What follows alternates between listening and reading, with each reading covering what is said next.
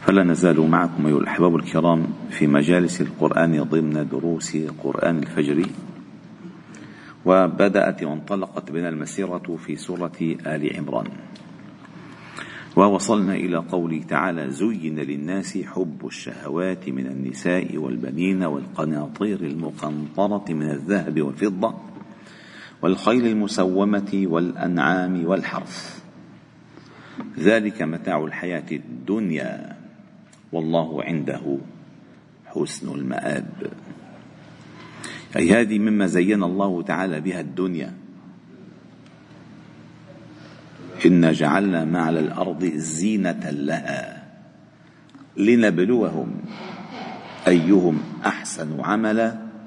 وإنا لجاعلون ما عليها صعيدا جرزا. لأن كل أمتعة الدنيا لا تبقى. وكل متاع الدنيا إما مقطوع وإما ممنوع. وهذه سر من الأسرار. أولا متاع الدنيا مهما كان مهما كان. خذ مثلا متاع الأكل. يتمتع الإنسان بالأكل. أكل أول بطيخة تاني بطيخة يا الحمام على المستشفى الشبع يقطع يقطع عنك إكمال متعة الأكل. صحيح ولا لا؟ طيب. مرض. ممنوع تأكل هيك ممنوع تأكل هيك. مع انه طيب ولكن أنت ممنوع عليك. فكل متاع الدنيا إما مقطوع وإما ممنوع. أما الله تعالى عندما ذكر متاع الآخرة فقال لا مقطوعة ولا ممنوعة. ماشي دائما نعيم مقيم. فقال ذلك متاع الحياة الدنيا والله عنده حسن المآب. ثم قال الله تعالى قل أنبئكم بخير من ذلكم؟ من من المتعة الخالدة والمتعة الماجدة. الله جل جلاله هو الذي يخبرنا يخبرنا من طريق الوحي بخير مما ذكر مما ذكر سابقا.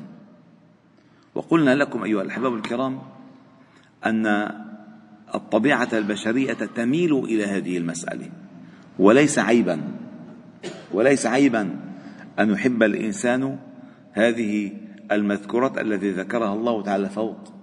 ولكن لا تكون على حساب المحبوبات الربانية.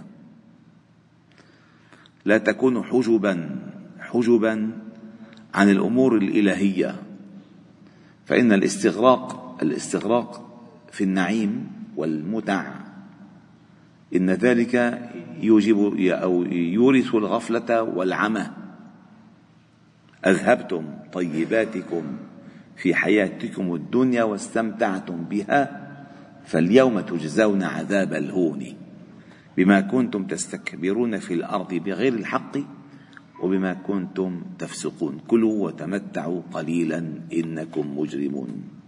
والذين كفروا يتمتعون ويأكلون كما تأكل الأنعام والنار مثوى لهم.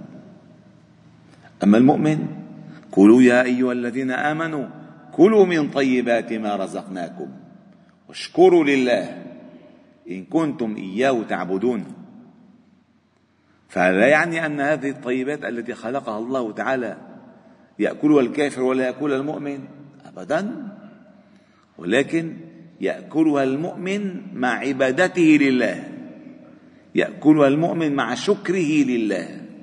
كلوا من طيبات ما رزقناكم واشكروا لله. إن كنتم إياه تعبدون. قل من حرم زينة الله التي أخرج لعباده والطيبات من الرزق. قل هي للذين آمنوا في الحياة الدنيا خالصة يوم القيامة. أي, أي ليست مقطوعة ولا ممنوعة. فإن المتاع الحياة الدنيا للمؤمن مقدمة لما أعده الله تعالى له من النعيم في الجنة. لذلك قال أئمتنا كل نعيم في الدنيا إنما يذكر بنعيم الآخرة للمؤمن. أما بالنسبة لغير المؤمن ولغير المسلم فإنها حظ فإنها حظه من الدنيا. هذا حظك بس. لذلك الله تعالى قال قل أنبئكم بخير من ذلكم للذين اتقوا عند ربهم. ما قال للذين اتقوا جنات؟ لا للذين اتقوا عند ربهم. لأن مباشرتهم لهذه المتع كانت في الدنيا هو مقدمة لانتظارهم لما أعده الله لهم عنده الذين اتقوا عند ربهم كما قالت امرأة فرعون رضي الله تعالى عنها وضرب الله مثلا للذين آمنوا امرأة فرعون إذ قالت رب ابن لي عندك بيتا في الجنة. ونجني من فرعون وعمله. فإذا قدمت قدمت المجاورة على المتاع. وقال تعالى كذلك في سورة الحديد والذين آمنوا بالله ورسله أولئك هم الصديقون والشهداء عند ربهم. عند ربهم. هذه العندية التي لا يتذوق طعمها إلا المؤمن. ورايح لعند ورايح لك اليوم رايح لعند فلان. ما بيذكر شو حيقدم له؟ شو حيضيفه؟ مجرد يكون عنده هذا أقصى وأقصى ما يتمناه. عند ربهم. ولو لم يذكر الله جل جلاله كل ما أعده الله تعالى لهم في الجنة لكفاهم. لكفاهم رايح لعنده لذلك الإنسان إذا رايح عند واحد كريم إيه هنيالك رايح لعند فلان. صحيح؟ فلذلك لما ربنا يقول عند ربهم أي عندما عندها لا تتخيل ما أعده الله للمؤمنين ما لا عين رأت ولا أذن سمعت ولا خطر على قلب بشر. فلذا عند ربهم جنات تجري من تحتها الأنهار. خالدين فيها. وأزواج مطهرة ورضوان من الله والله بصير بالعباد. هذه الجنات التي أتت بصيغة النكرة أي جنات لا يعلم حقيقتها وعددها إلا الله. وسارعوا إلى مغفرة من ربكم وجنات عرضها السماوات والأرض. شو عرض عرضة. طيب إذا عرضة فما بالك بطولة؟ لأن كل شيء كل شيء عرضه أقصر من طوله. ليكم وين العرض هون العرض. هذا العرض. فإذا كان العرض السماوات والأرض حجم فما بالك بالطول؟ لا أحد يستطيع أن يحد. لا أحد يستطيع أن يحد. فقال جنات تجري من تحتها الأنهار. وهذا من النعيم. أي الماء المتدفق وليست أنهار فقط من ماء. أنهار من ماء غير آس وأنهار من لبن لم يتغير طعمه وأنهار من خمر لذة للشاربين وأنهار من عسل مصفى. ولهم فيها من كل الثمرات. ومغفرة من ربهم سبحان الله. فقال وأزواج مطهرة. هذه الأزواج التي يكرم الله تعالى بها أهل الجنان مطهرة من كل شيء من كل شيء يؤذي. ليس فقط مطهرات من الحيض والنفاس إنما مطهرات من الغي من الغيرة والغل والحقد واللسان الطويل والناء والباء والجاء هذه كلها مطهرة. لأن هي بترتاح وبتريح.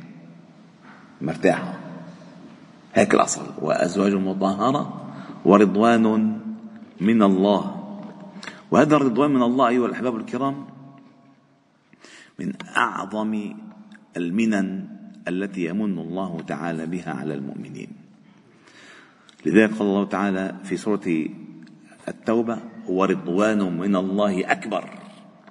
أي أكبر مما كل ما ذكر. وقد ورد أن النبي صلى الله عليه وسلم قال إن الله يقول لأهل الجنة يا أهل الجنة. فيقولون لبيك ربنا وسعديك والخير في يديك. فيقول هل رضيتم؟ في الجنة هن قال هل رضيتم؟ فيقولون وما لنا لا نرضى يا رب. وقد أعطيتنا ما لم تعط أحدا من خلقك. فيقول ألا أعطيكم أفضل من ذلك؟ شوف في أفضل من ذلك. فيقولون يا ربي وأي شيء أفضل من ذلك؟ فيقول أحل عليكم رضواني فلا أسخط عليكم. بعده أبدا. الله الله الله. أحل عليكم رضواني فلا أسخط عليكم بعده أبدا. وكذلك قال النبي صلى الله عليه وسلم كنا جلو قال عن عن جرير بن عبد الله قال كنا جلوسا عند النبي صلى الله عليه وسلم إذ نظر إلى القمر ليلة البدر.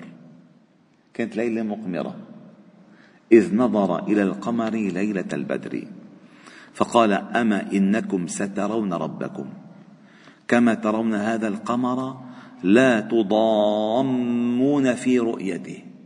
أي لا تشكون أن الذي ترونه قمرا. يعني حدا بشك أنه هذا القمر قمر؟ سترون ربكم؟ لا تشكون أنكم رأيتم ربكم. لا تضامون في رؤيته. وعن أنس بن مالك أن النبي صلى الله عليه وسلم قال إن في الجنة لسوقا يأتونها كل يوم جمعة فتهب عليهم ريح الشمال فتحثو في وجوههم وثيابهم يعني من النعيم والجمال. فيزدادون حسنا وجمالا فيرجعون إلى أهليهم.